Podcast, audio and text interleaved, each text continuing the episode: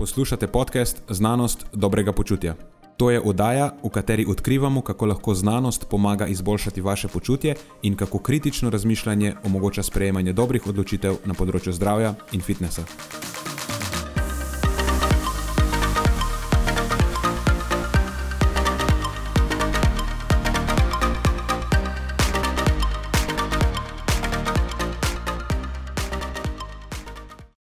Pozdravljeni, z vami smo Nenad in moj sovoditelj Matjaš.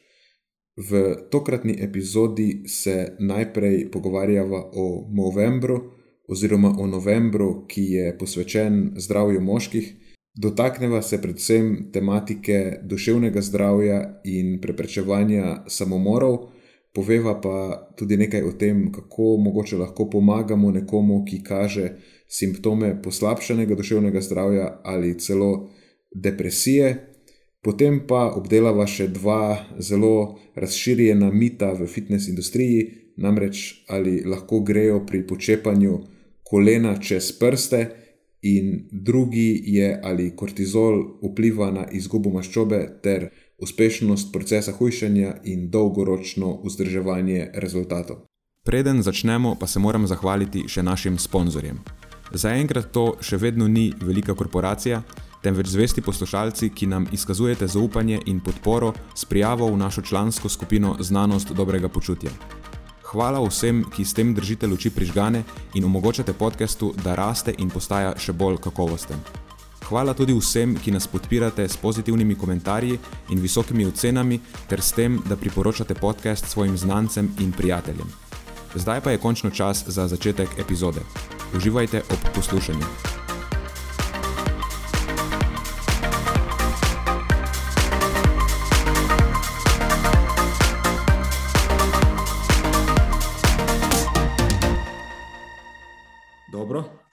Uspelo nam je.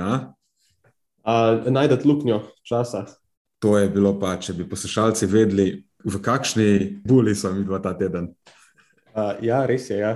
E, čakajo nas dve predavanji za, za podjetja, še potem v vikend je še Fitness Zveza Slovenije, ker oba z Marijo predavava. E, to je seveda ob vseh obveznostih na faksu, službenih obveznostih, stranke, prehrana, vadba in tako dalje. Ja. Zdaj je še tisto obdobje na faksu, ko je treba oddajati izdelke, poročila, naloge. Včeraj sem cel dan programiral neko zadevo. E, ja, se res. Nenad, ti, ti si se zdaj kar opeljal v to programiranje na malo višjem nivoju. Kakšen je experience so far? Ej, v redu je. Glih, prejšnji teden sem oddal seminarsko nalogo pri enem predmetu računalniška podpora statistike. Smo programirali neko eh, integriranje s pomočjo metode Monte Carlo, se reče. Ja, pač generiraš v nekem prostoru ključne točke in potem lahko na podlagi tega sklepaš uh, neke stvari. Mislim, predolgo, da zdaj razlagam o tem, ampak je tako zelo zanimivo. No? Je zelo zanimivo, ampak tudi zelo zakomplicirano. Nekaj tega si nam poslal v skupni čet z Marijo. Eh, ne bom se lagal, nisem razumel absolutno ničesar. ja, moram reči, da sem tako na te izdelke. Veš, ko toliko časa vložiš v to noter, ti pol ne preostane druge, kot da si sam občutek izpolnjenja imaš, ko to dokončaš. E, imaš tudi občutek, vsaj za me je to, e, mogoče je dobra primerjava. Veš, ne, en, eni ljudje radi delajo nekaj z rokami, veš, pa polk to narediš, ta izdelek, pa si pol ful vesel, da si to naredil. No, imam feeling, da je to programiranje, e, k delanje z rokami za piflarje.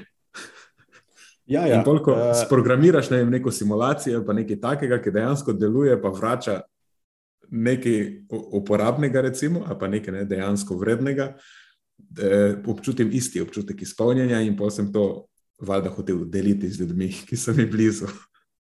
Ja, ja absolutno. Sej, dobro, mogoče ni najboljša primerjava, ampak že, že ne vem. Če pospraviš nekaj, ali pa če narediš nekaj na vrtu, veš, kaj vidiš, nek končni rezultat svojega dela pred seboj, en nimaš drugega, kot da te razveseli. Še posebej, če noter vlagaš v to ogromno dela in, in eh, na račun tega trpijo vse ostale stvari v življenju, kot so spanje, socialno življenje in kakorkoli drugega že. Ja. Da, ja, to je to, kar se tiče eh, aktualnosti. Oziroma, imam še eno aktualnost, glih, z bolečo roko danes govorim. Včeraj sem bil na tretji dozi Pfizerja. A, se res, točno. Številka tri že.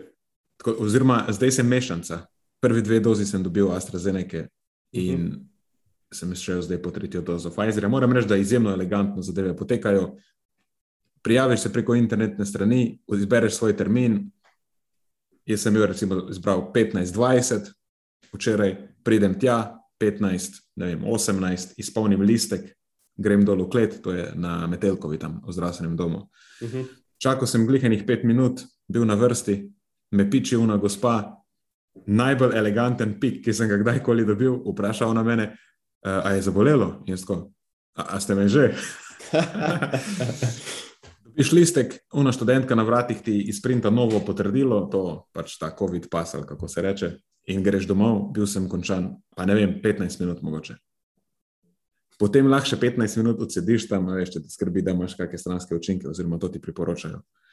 Uh, ampak pač to je čas, ki ga moraš investirati. Zelo, bil sem presenečen, no? Ni- nisem vajen, da eh, v zdravstvenem sistemu pri nas stvari tako funkcionirajo. Ja, zdaj sem imel že nekaj vaje, se mi zdi, tako da očitno so izpilili vse skupaj. Očitno. Pohvaljeni, zelo pohvaljeni. Ja, absolutno lepo pohvaljeni. Vsaj kar se tiče zdravstveni dom Ljubljana, vse je, ne? zdravstveni dom Mhm. Ljubljana. Tam. Super, petka z moje strani. Odlično. Jaz bom pa svoj review dal v, v bližnji prihodnosti. Nice. Uh, ja, tudi nekih drugih posebnih učinkov ni, sem pač imel roka boli.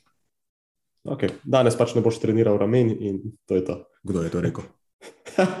Kako se, te, a, a se to zdaj izključuje, nekako, ne razumem, o čem govoriš. Se pravi, čujemo, vzamem nazaj. Benč je še vedno na meniju. Ja, absolutno. Okay. Dobro, dejva eh, zdaj prešaltati na malo bolj resne teme. Kaj si, na, kaj si pripravil danes? Jaz imam dve stvari dejansko. Um, tako da, če imaš, eh, odvisno koliko jih ti imaš, potem lahko spet zapakiramo v sendvič ali pa kako drugače. A, v bistvu imam eno stvar, en tak popularen fitness mit, pa bi potem probal nekako nice. iz, iz tega neko zanimivo ali pa uporabno lekcijo ven izpeljati. Tako da jaz predlagam, da narediva en klasičen uh, feel good sandwich.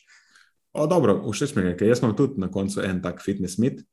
Mhm. Uh, imam pa na začetku eno bolj resno stvar, ki uh, se mi zdi, da bi bilo vredno v tem mesecu posvetiti malo več pozornosti, ker to vse, na vse zadnje je mesec za to stvar, oziroma je mesec, ki je nekako uh, smo si ga prilastili.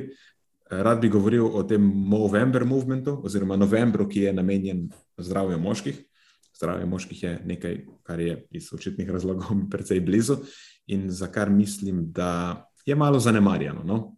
Malo smo si sami krivi, malo pa pač tudi zdaj trenutno. Um, kaj pa vzdušje v družbi, da jim rečemo, je pa manj naklonjeno moškim in moškosti, se mi zdi, kot je bilo v preteklosti.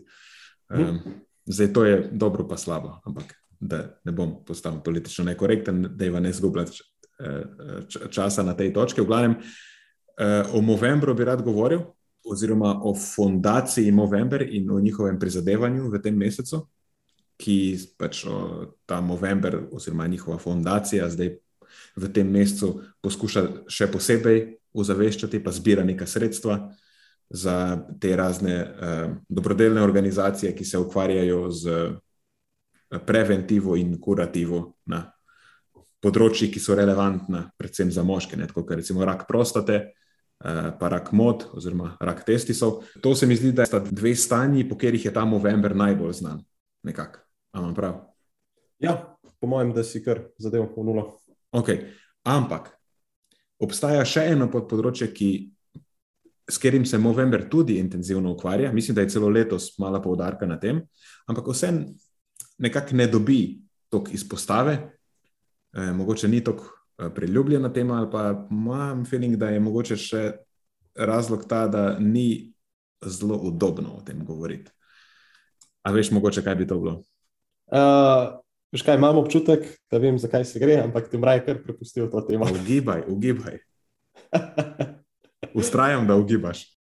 Eh, Kar, kar, kar nadaljuj. Zdaj ne morem, kako bo, to moraš ugibati. Uh, ne, ne, ne vem, ne vem. Lej, res prosim, kar, kar nadaljuj. Torej, nimaš nobenega. Uh, Ne, ne, nimam. okay. um, no, to je duševno zdravje in pa preprečevanje samomorov.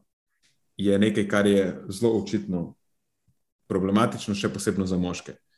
Um, še vedno je to tabu, se mi zdi. nekaj o nečem ne govorimo, čeprav je zelo resen problem, očitno, še vedno je stvar nekako stigmatizirana in še vedno se napačno domneva, da je to nek znak šibkosti. In zaradi tega se mi zdi, da je stvar pač najbolj udobno, ustrajno pometati pod preprogo, ne, dokler na koncu več ni udobno, niti možno tega pomesti pred, pod preprogo, ker eh, ko nekdo dokončno čustveno razpade ali pa bog ne da stori samomor, polje že, potem je pač to. to. In zanimiva statistika, oziroma zaskrbljujoča statistika, je, da globalno vsako minuto en moški umre od samomora. Da v roku te epizode, če bo taka klasična, bo umrlo 60 moških od samomora. Tako visoko. Ja. Jezus Kristus. Um, ja, tudi jaz sem bil malo presenečen.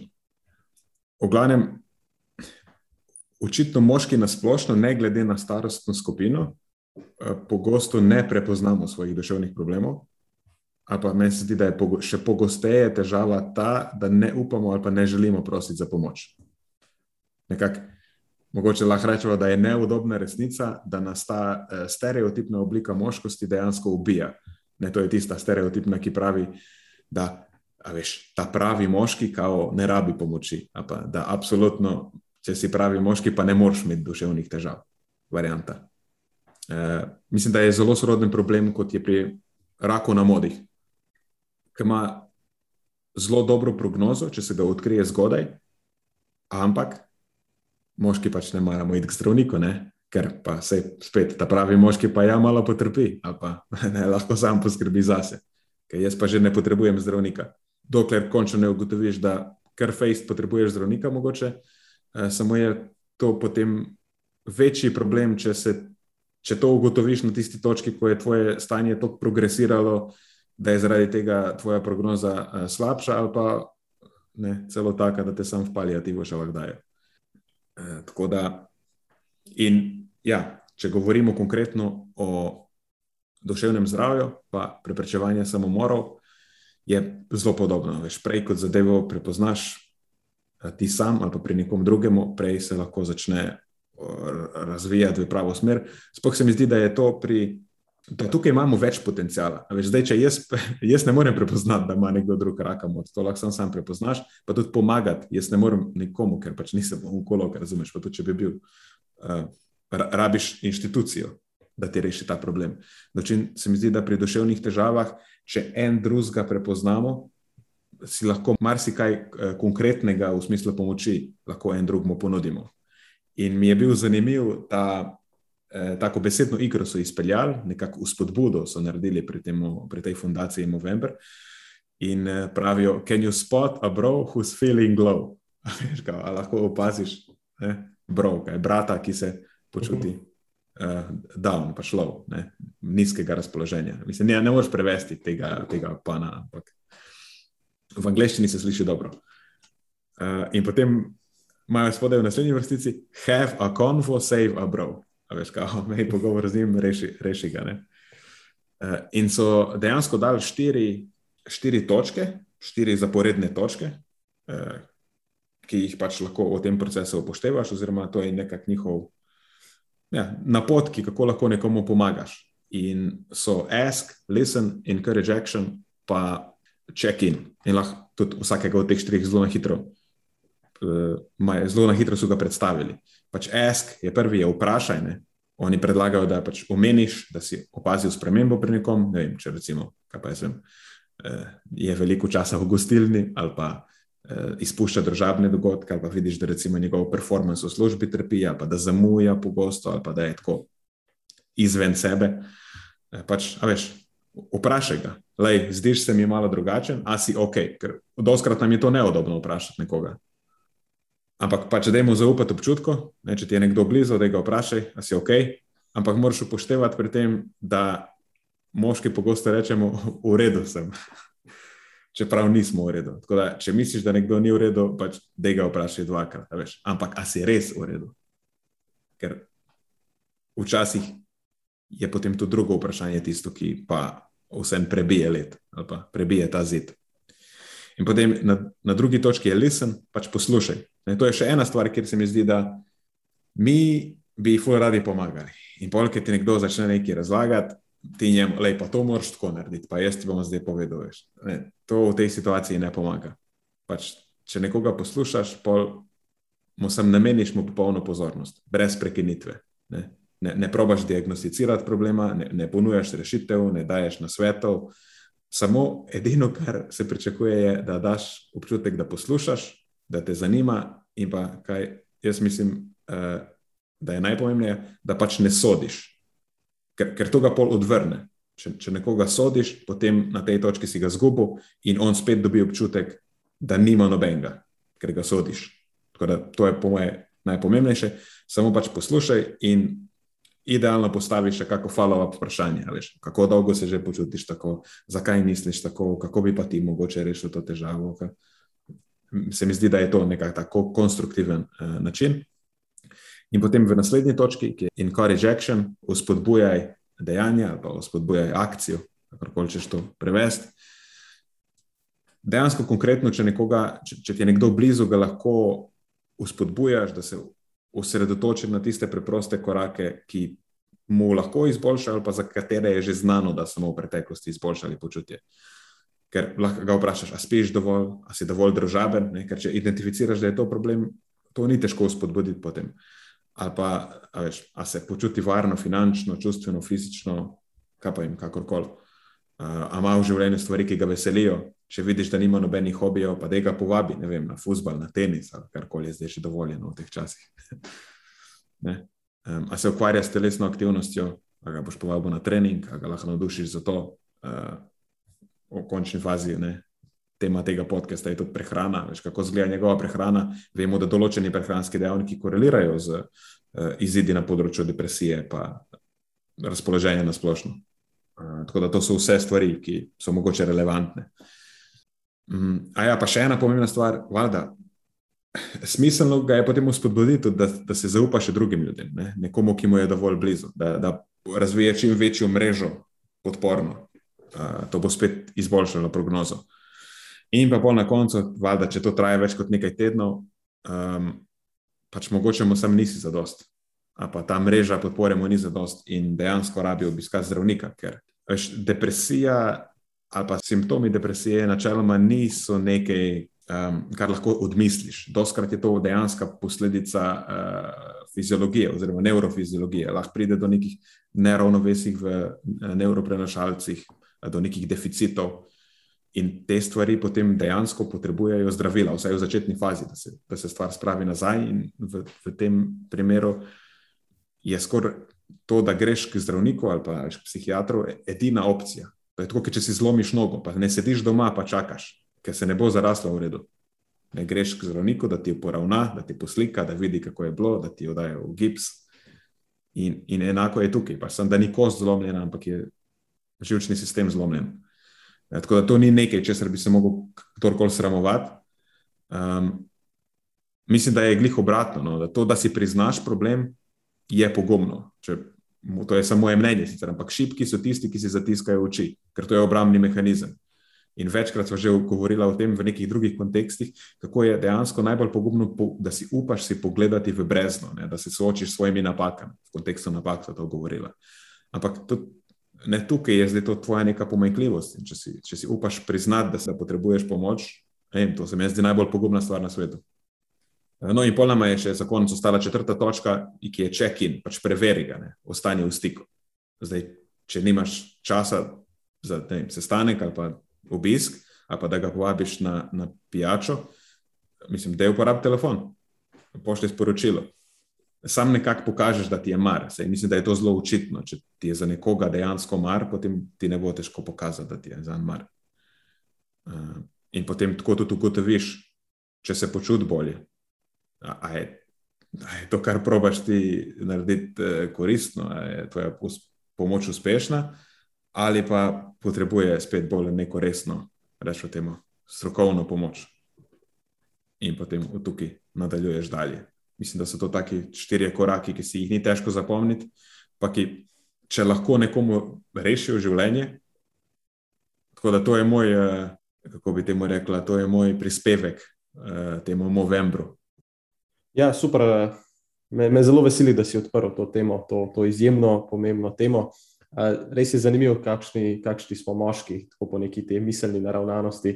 Uh, zadnja stvar, ki bi si jo želeli, je neka, mislim, zadnja stvar, ki jo izrazimo, je neka želja po pomoči in podpori. Ampak um, dejansko tudi mi potrebujemo, ne? moramo dati še svoj ego na stran za trenutek. Kar sem samo še želel dodatno izpostaviti, je mogoče to društvo Onkoman in mm -hmm. pa Gregorja Pirca, tega podpredsednika Slovenskega onkološkega društva za moške, uh, ki seveda delajo na tem področju že zelo dolgo časa. Mi imamo pa z njimi, oziroma z Gregorjem, že neko sodelovanje vzpostavljeno zadnjih par let. Tako da bi vas mogoče napotil še na njihovo stran in pa na njihovo gibanje kot tako. Ja, zelo dobro. Dejansko z onkomani tudi sodelujemo in so nekako, eh, lahko temu rečemo, bratska organizacija. Ja, to besedno, brov, s katerimi začenjamo konvol. Ja. Zanimivo je, da na kakih, na kakih slikah nosim tudi njihovo zapestnico no, z brki. Da, če je bil kdo pozoren na to, pa ga je zanimalo, kaj ta zapestnica pomeni, je to točno to. Ja, zapisnica z brki je ena izmed mojih ljubših, zagotovo. Ja, ja. Dober logo imajo. Ja, se to je, v bistvu, Movember logo je. No. Oziroma, Tako. to je ta logo, ki simbolizira, uh, se mi zdi, skrb za zdravje moških. Ja, ja absolutno. absolutno. Uh, zanimivo je, da to uh, miselno naravnanost, o kateri si govoril, nas moških, da tudi zasledim kot potencialno problematično pri kakih, um, pri kakih mladih športnikih, ki uh, si ne vede skozi čas naberejo neke težave. Pa, se veš, kaj si v tistih letih, mladci, uh, ego še malo bolj dela, in potem si samo koplješ in koplješ brezno, vedno globje, dokler ne pride do neke točke, kjer dejansko se ne moreš skopati več ven, brez da bi imel nekega pravega okolja za to. Recimo, primer tega je bil tudi en ta fant, ki je k nam nedavno prišel nazaj. Ne? Ki si je nakopal težave na naslovu testosterona, in podobno. Ja, to se zgodi, ne pač z glavo skozi zid. Ja, ja, ja. Ok, odlično. Ja, kar, vrsti si. Kar nadaljujem svojo temo. Spravi prvi izmed eh, dveh mitov, če sem prav razumel. Tako je.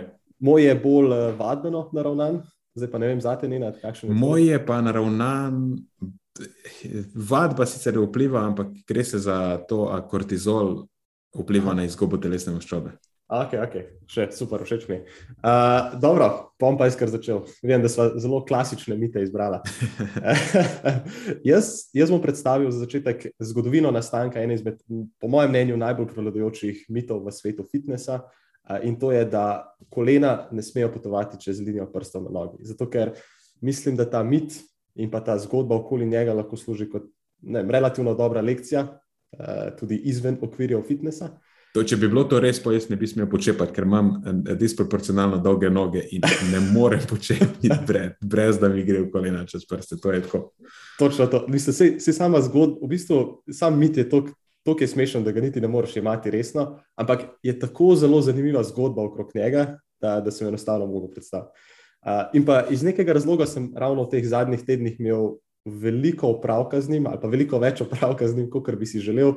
Tako da bi rad imel neko referenčno točko, kam napotiti ljudi v prihodnosti, veš, če me bodo spet spraševali na to temo. Recimo, ravno ta teden sem moral eno novo stranko uh, na našem vadbenem področju pomirjati, češ da pač počep preko linije prsta na nogi ni noben bal bal. Uh, par besed smo o tem spregovorili na enem nedavnem izobraževanju, pa ponovno je prah dvignil nek influencer na Instagramu, ki ima skoraj pol milijona sledilcev uh, in propagira izključno neke polčepe. To je res Ampak ni slovenc.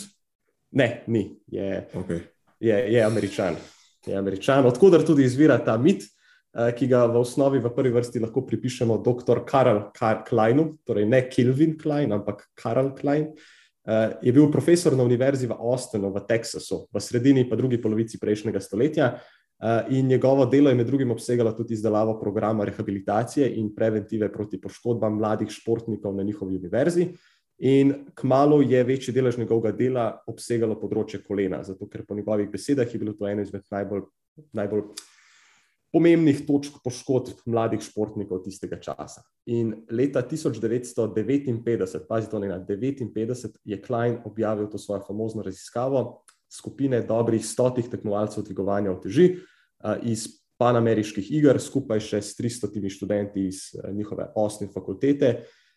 In je pri njih meril pritisk na koleno pri različnih globinah počepa. In potem je objavil rezultate, kjer je globoki počep, kjer torej kolena potujejo preko linije prsta na nogi, je proizvedel največ sile na ligamente kolena.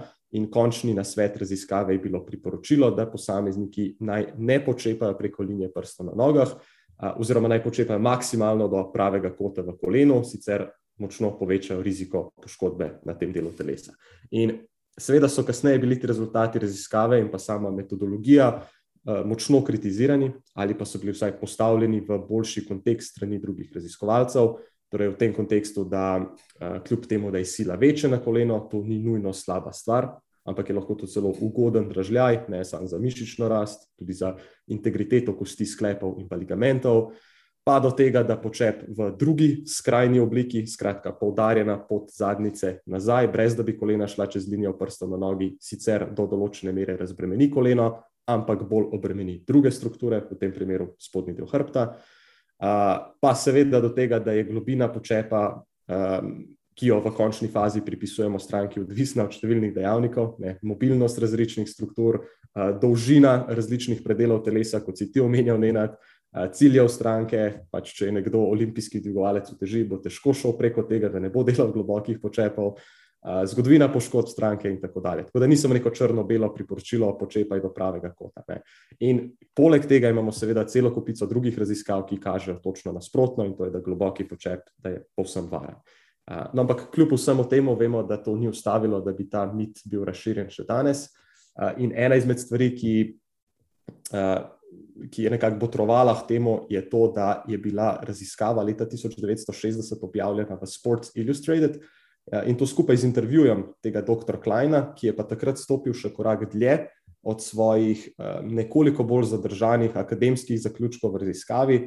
In je v tem intervjuju dejansko dejal, da je globoki počep Eh, citiram ga zdaj, neuporaben in pa nevaren.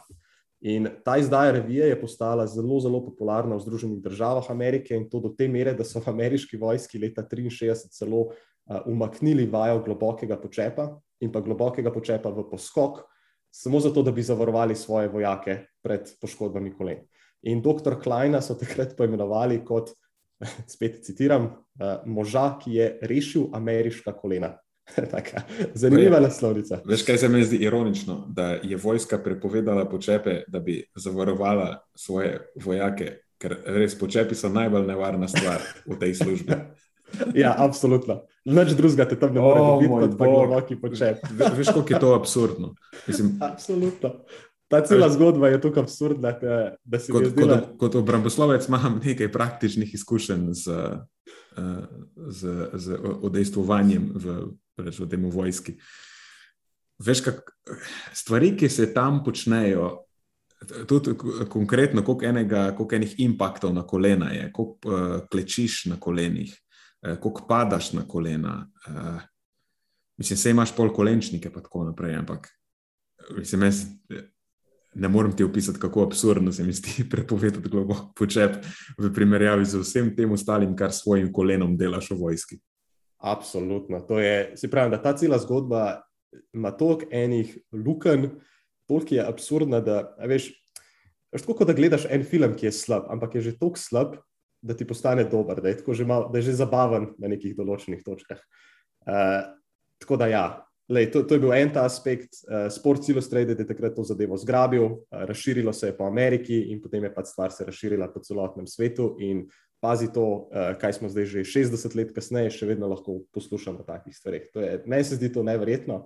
Ampak, le kljub vsemu temu, se mi zdi, da mogoče dr. Klein ni bil tukaj poglavitni problem v celotni zgodbi. Uh, jaz bi rekel, da je problem vsaj deloma tudi v, v nas, oziroma v nekem takem, ne rečemo splošno gledano, pomankanju kritičnega razmišljanja. Ker če bi tej zgodbi namenili kanček več pozornosti, že to, kar si ti ne napomenil v zvezi z vojsko, ne, uh, mislim, da bi lahko hitro prišel do zaključka, da ta stvar je pač samo neka taka bajka, ne? pravljica, ki jo prenašamo iz generacije v generacijo, in dan danes imamo še vedno problem s tem, in v prehrani, in vadni. Ja, to je tisto, kar dajmo prepovedati sladke pijače. Da če mi ja. je sto drugih stvari v prehrani, ki bi jih bilo smiselno predtem zrihtati. Absolutno. Absolutno. Tako da, spet, vem, da je to nekaj, kar smo že poudarjali na tem podkastu, ampak vseeno bomo to poudarjali naprej, dokler taki in podobni miti ne, to, totalno ne izplinejo iz področja te, tega planeta. Če slišite neko senzacionalno stvar, ki se vam zdi eh, nemogoče, da bi bila resnična, ali pa je v popolnem nasprotju z vsem tem, kar ste do takrat slišali o neki temi, ker mimo grede, ne, globoki počepi so bili zelo dobro ustaljeni kot ena izmed najboljših in pa najbolj učinkovitih vaj pred Kleinovimi raziskavami. Torej, to je bila raziskava, ki je šla že takrat v popolnem nasprotju uh, s takratno doktrino. Ne. Uh, skratka, ne takim stvarem verjeti na prvo žogo, brez pomisleka. Ne. Potrebujem neko potrdilo, nek dokaz.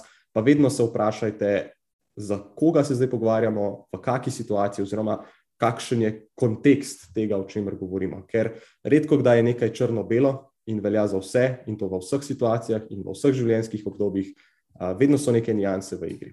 Tako da uh, to bi bil moj rent na to temo potovanja kolen skozi, uh, oziroma preko linije prstov na nogi. Cool. Plus, mislim, vse to, kar bom zdaj povedal, ni uh, čist najbolj znanstveni pristop k tej celi zadevi, ampak se zelo hitro lahko neko trditev preveriš v realnosti. Uh, to je sicer res samo anegdotalno, samo če je tako močna anekdota, še zmeraj ti lahko nekaj o tem pove. Če pogledaš ljudi, ki počepajo največja bremena ali pa dvigovalce, to bi bili recimo neki powerlifteri, kako počepajo. Ali pa če pogledaš dvigovalce v teži, ki dvigujejo ekstremna bremena ne, nad svojo glavo in tako in drugače, in tudi iz počepa, kako oni počepajo? Izjemno globoko in izjemno kolena čez prste. Ja, ja. ja spet. Spet. Veš, ostaneš brez besed na eni točki. Ja. Tako da čist na, praktični, na, na, na čist na praktičnem nivoju že ta trditev. Sam če jo preveriš v svetu okoli sebe. Ampak, ampak sam common sense, ki pogledaš okoli in vidiš, da, da ni nikjer ničesar, kar potrjuje to, da bi bila zadeva uh, nujno zelo škodljiva. Ne? In potem še naprej, če pol, kaj se lahko tega naučimo, uh, recimo o tem, kako deluje znanost ali pa ne o pravilnem znanstvenem sklepanju. To, da je gospod izmeril, da v tem položaju deluje največja sila, recimo na, ne, na koleno oziroma na neke dele uh, tega sklepa, še ne pomeni, da se to dejansko odrazi v končnih izidih. Je, to je, da meriš nek marker ampak, ali pa neko, nek prehranski dejavnik. Za katerega misliš, da je slab, Sam, če se to ne odrazi v končnih izidih, potem mogoče ni relevantno, ali pa vpliva na cel sistem drugače, kot si ti predvideval, da bo. Ker telo je kompleksen sistem in na podlagi enega eh, inputa zelo težko, ali pa na podlagi enega takega markerja, zelo težko sklepaš, kakšen bo končen rezultat. In doskrat, ko daš eh, zadevo, neko zadevo v zapleten sistem, vem, dobiš nekaj čist drugega, kot si predvideval, da boš. In se ne moreš ukvarjati samo z enim dejavnikom, ampak moraš celo stvar čim bolj celostno po pogledati. Ja, good point. Ok, a greva dalje. Greva dalje, zadnje dejanje. Torej in počep, in, uh, oziroma in bench press, in globoki počep, šla danes na menijo. Ja, res je. to je tako zelo, uh, nekako zelo idealistično uh, razmišljati o tem, da bi to dejansko bilo nekaj, kar bi mi danes uspelo narediti. Tako da, po mojem, bom spet TRX zavezal tukaj na vrata, pa uh, naredil tiste najbolj pomembne vaje, ne biceps, pa, veš, pa to. Pa triceps. Ja. ja, sem ne globoki biceps, ker tudi to je lahko škodljivo. Ja. Ne vem, kaj točno to pomeni. Okay. Okay, zdaj na resne stvari. E, torej, e, kako kortizol lahko ali pa ne vpliva na hujšanje in še bolj konkretno na izgubo telesne maščobe. Pred kratkim je bila objavljena ena raziskava, ki se je ukvarjala točno s tem. Larsen in sodelavci, objavljena je bila v Frontiers in Endocrinology, naslov je bil Hair Cortisol Concentrations, Weight Loss, Maintenance and Body Weight Variability. Uh, šlo se je pa zato, da so pač na podlagi meritev uh, koncentracij kortizola v laseh, potem ne, s to so primerjali z najprej izgubo telesne mase, pa maščobe, potem pa z ohranjanjem teh rezultatov ne, v fazi po hujšanju. In tudi primerjali so to, kako je bil oziroma probali so ugotoviti, kako bi lahko mogoče bile te koncentracije kortizola v laseh povezane z to variabilnostjo telesne mase po koncu hujšanja. Tako da nekako probali so ugotoviti vlogo kortizola skozi cel ta proces, najprej med hujšanjem, potem pa še pri vzdrževanju rezultatov. Eh, zdaj, čisto na kratko, najbrž večina ve, kaj to je kortizol, predvidevam. Ne, po domače povedano, rečemo mu stresni hormon, če glih ima tudi druge funkcije v telesu. Ampak recimo, da se zdaj ne bomo spuščali eh, podrobno v fiziologijo kortizola in stresa, ampak načeloma velja, lahko rečemo, karikirano, ampak po moje je za ta primer dovolj natančno, da koncentracije kortizola skozi neko daljše obdobje odsevajo raven stresa. Torej, spet, še bolj po domače, več kortizola je posledica več stresa. Ne? Eh, stres povzroča izločanje kortizola. Tako bolj enostavno se tega ne da zapakirati. Eh, in imamo nekaj opazovalnih raziskav, ehm, ki ugotavljajo, da je kortizol v laseh povezan z zamaščenostjo. Eh, to še ne pomeni, da obstaja eh, razmerje vzročno med kortizolom v laseh in nekimi longitudinalnimi spremembami, ne skozi čas, spremembami v zamaščenosti. Torej, da bi, če ima nekdo visok kortizol, da bo to povzročilo večjo zamaščenost, tega niti slučajno ne moremo sklepati, samo pač obstaja povezava. Razlogov je lahko več, ampak uh, so več ali manj samo hipoteze. No, in zdaj ta skupina se je odločila dodati uh, svoj kos v to zgodbo, oziroma ugotoviti, kako bi mogoče lahko koncentracije kortizola bile povezane ne samo izgubo, pa polo zdrževanjem uh, teh rezultatov po koncu nekega procesa izgube maščobe. Zanimivo je to, da so se odločili za merjenje koncentracije kortizola v laseh. E, mislim, ni zanimivo, ampak je edino pametno, po moje, za tak e, podvig, ker doskrat se uporabljajo koncentracije kortizola v krvi, slini ali pa v urinu, e, ki so nek biološki marker stresa, lahko, ampak potem jih moraš jemati zelo redno. Dejansko bi jih mogel meriti večkrat na dan ker te vrednosti odsevajo nek akutni stres, če sploh lahko pa so v nekih stanjih celo normalno povišene. Recimo zjutraj je kortizol pač normalno višji kot zvečer in je to potrebno upoštevati. E, dočim koncentracija kortizola v laseh pa odseva izpostavljenost kortizolu skozi celotno obdobje rasti las. Torej, pove nam, kakšni, eh, kakšni kumulativni količini kortizola je bil nekdo izpostavljen skozi obdobje, recimo, enega meseca. Ne, to veš, koliko je las zrastel v enem mesecu, in lahko sklepaš, ker kortizol se odlaga tudi v laseh, in potem lahko sklepaš na podlagi tega, kolikšen je bil ves kortizol, ki ga je nekdo sproduciral ta mesec, Evo, spet po domače, pa karikirano. Torej, to je bila metoda, ki so jo uporabili za merjenje kortizola. Eh, vključili so 786 udeležencev, ki so dosegli izgubo telesne mase več kot 5 odstotkov v tem obdobju hujšanja, pa pred izgubo so imeli indeks telesne mase več kot 25 kg na uh, kvadratni meter. Torej, bili so čez mejo normalnega indeksa telesne mase. Zdaj, kortizol so merili na izhodišču, pa čez 12 mesecev, torej 12 mesecev je trajalo proces hujšanja, eh, odstotek telesne maščobe, pa vse ostale te antropometrične lastnosti, so pa merili na izhodišču eh, po 6, 12 in 18 mesecih. In udeleženci ne, so se tudi več čas doma tehtali in predpisano jim je bilo, da to opravijo več kot dvakrat tedensko, da so potem, potem lahko sklepali o variabilnosti telesne mase. In zdaj, valjda, nas zanimajo rezultati. Rezultati so uh, pričakovani, vsaj kar se mene tiče, zdaj mogoče kdo iz fitness industrije bo presenečen, ampak ko so prilagodili za dejavnike življenjskega sloga in za demografske dejavnike, ni bilo nobene povezave med koncentracijami kortizola v laseh in izgubo telesne mase ali maščobe. Ne? Niti na telesno maso, niti na maščobo. Ker včasih kdo reče, ja, pa kortizol zavira izgubo maščobe, pa povzroči ne, katabolizem mišic, pa potem, če nekdo hujša ob povišanem kortizolu, bo izgubil več mišic, manj maščobe. No, ne. E, tukaj se to ni izkazalo. Tako da kortizol z temi izidi, sam, samimi izidi hujšanja ni bil povezan.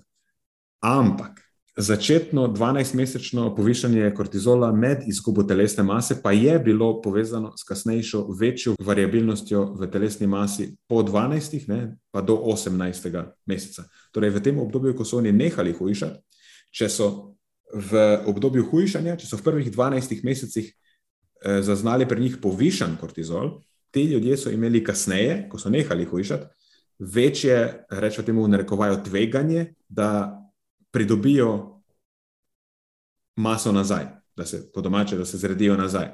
Torej, če pravim to zapakirati tako zelo spet po domače, koncentracije kortizola skoraj sigurno ne vplivajo na izgubo telesne maščobe, ne zavirajo izgube telesne maščobe med hujšanjem.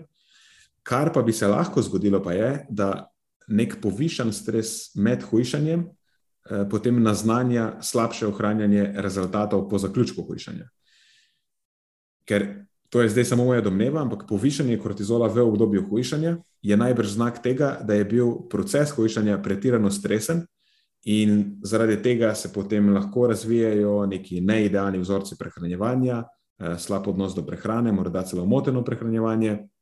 Lahko nekdo pač mu po domače povedano dopizdi, trenirati ali pa več razvije nek odpor do telesne aktivnosti. Um, vse to so, po mojem, potencialno dejavniki, ki potem lahko izhajajo iz tega, da je imel nekdo povišen stres med obdobjem uh, samega hujšanja. In seveda se bo to potem na koncu izrazilo kot poslabšana zmožnost ohranjanja zdrave telesne mase. Ker zato pa potem imamo kar dobro teže dokazov. Vemo, recimo, da neki črno-beli pristopi k prehrani, ne tisto ločevanje na dobro in slabo, pa to smem, to ne smem, pa uh, razni ti eh, pretirano restriktivni pristopi k prehrani, so povezani precej tesno s slabšimi izidi, torej s poslabšano sposobnostjo vzdrževanja zdrave telesne mase in pa uh, ne na zadnje tudi z neugodnimi vplivi na duševno zdravje. In tukaj je, je ena taka, um, ta stvar je tako. Zelo tesno povezana, ne? slabše duševno zdravje, načeloma slabša zmožnost regulacije počutja, je tudi povezana z uh, poslabšeno zmožnostjo ohranjanja zdrave telesne mase. Mm, tako da, kaj bi zdaj bile praktične implikacije, po moje, te raziskave, pa teh ugotovitev, da med hujšanjem, kljub temu, da kortizol, pa sam stres ne vplivata na izgubo maščobe, še vsem je najbrž smiselno nadzorovati stres. Eh, kot že rečeno, ne zato, ker to vpliva dejansko na hujšanje, ampak zato, ker je s tem najbrž boljši dolgoročen rezultat tega procesa. Dejansko imaš lahko primer, ker tudi če bi eh, kratkoročno hujšanje morda bilo uspešnejše, veš, če ne vem, eh, dietiraš na milijon kalorij deficita in treniraš 50 ur na dan. Ja, mislim, najbrž boš zelo hitro izgubil telesno maso, tudi precej maščobe. Samo na dolgi rok je to lahko precej slabo in bi bilo bolj smiselno stopiti nazaj, mogoče, veš, modificirati svojo prehrano, dati malo več energije okoli treninga noter, mogoče malo, malo ta trening nekako narediti manj intenziven ali pa malo bolj pameten. Um, ker, lej, če se te stvari lotiš nespametno, pa tako, kot veš, z glavo skozi zid, pa bomo zdaj vse naenkrat, in potem med tem razviješ eh, ne samo slab odnos do prehrane, ampak dejansko neke zdravstvene težave, ki vemo, da imamo še pole nekih izkušnja, so zelo pogoste, tako pri ženskah kot pri moških. Um, veš, enkrat, ko zboliš, ali pa se celo poškoduješ, eh, potem je bistveno teže ohranjati. Uh, Pa ne samo neko dostojno raven uh, telesne dejavnosti ali pa ugodne telesne sestave, ampak pač teže je ohranjati svoje zdravje. Eh, teže se je spraviti nazaj, manj imaš motivacije, v nekih stvarih si omejen, nekih stvari ne smeš delati. Ne? Tak, bistveno teže je takrat servisirati stvari, kot pač sem biti na začetku pameten. Eh, je pa stvar, seveda, eno je reči, drugo je pa to narediti, ker mi vsi hočemo zdaj to hitro, pa v šestih dneh biti pripravljeni za naplažo. Ne zdaj po zimi, ampak poleti. In je včasih komu težko porodati, da je odemo zdaj malo to bolj počas, pa pametno, pa bomo jedli malo več okoli treninga. Pa, veš, ja, sem, ful bi bilo dobro, če dodaš več oglikovih hidratov okoli treninga. Ne? to včasih ni najlažje prodati. Je pa pametno. Ja, to idejo v praksi zelo težko prodati. Ja, se absolutno se strinjam, nažalost. Sicer pa dietiranje na milijon kalorij deficita, to je Mislim, da je tega sposobna samo kakšna črna luknja. Ja, se je tudi 50 ur na dan, je, se mi zdi, precej neizvedljivo. Ne? Uh, ej, super si to predstavljal, všeč mi je ta tema. Um, kar bi samo dodal, je še to, da se mi zdi, da na kortizol vedno gledamo kot nekaj izključno slabega, podobno kot na, vem, na unetje ali kaj takega. Mislim, to, to je nekaj, po eni strani je to nekaj neizbežnega, po drugi strani to ni vedno slabo, vsaj znotraj nekih mej normale. Uh, pa absolutno strinjam, ne? obstaja pač neka uh, mera tega in očitno, več kot očitno, če gremo čez njo, uh, ima to dolgoročno gledano neko slabšo prognozo. Ampak kortizol kot tak pa pač ni sam po sebi slab hormon, ko ga pogosto mislim, da dojemamo, ampak je pravzaprav indikator, da mogoče celo nekaj prav delamo, ker mislim, da je precej neizbežno, da se kortizol ne bi povišal, uh, če, če pač hujšamo, ne, če smo v fazi nekega dietiranja ali kakorkoli že. Zelo dober point. Mislim, dejansko je zelo pomembno imeti Eh, normalne ravni kortizola. Kortizol je zelo pomemben hormon. Vse zgodba je podobna kot pri inzulinu, najbrž, ki je tako mhm. prebijan na križ ta obok inzulina, ampak je eden izmed najpomembnejših hormonov. Uh, dajte preveriti, kaj se zgodi, če nimaš inzulina. Ne? Mislim, temu se reče diabetes tipa 1. In mhm. enako je pri kortizolu. Pač dajte preveriti, kaj se zgodi, če nimaš kortizola. Ne? Ja, um, no, bo eno. Oboje je tako, ni združljivo z življenjem, no? da jim rečete. Ja, ja, ja, ja, ponovno ta nek črno-beli pristop. Uh, super. Kaj praviš, sva, uh, sva obdelala to uh, myth-busting epizodo? Ja, mislim, da so privedla spodobno zadevo do konca, kljub na enem natrpanem urniku. Ta teden poslušalci ne bodo ostali brez epizode. Da, another Absolutely. one in the books. Tako, another one in the books. Uh, in pa ključna točka. Uh, ne pozabite vprašati svoje broje, kako se počutijo. Ja. Pa, pa zahtevajte bolj konkreten odgovor, kot v redu je, ker to ni, to ni definiran odgovor. Exactly. Ampak, a si res v redu vprašaj? Ja. Can you spot a bro who's feeling low? Če je odgovor ja, have a convo, save a bro.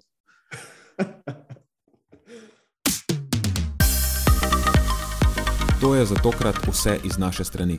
Hvala, ker ste poslušali do konca. Delite epizodo s svojimi znanci in prijatelji in jo priporočajte dalje, saj s tem omogočite, da sporočilo znanost dobrega počutja doseže čim večjo množico. Hvala vsem, ki nas podpirate s članarino in tudi vsem ostalim, ki delite podcast dalje in nam izkazujete naklonjenost z visokimi ocenami in pozitivnimi komentarji. Se slišimo prihodnjič, do takrat pa ostanite premišljeni.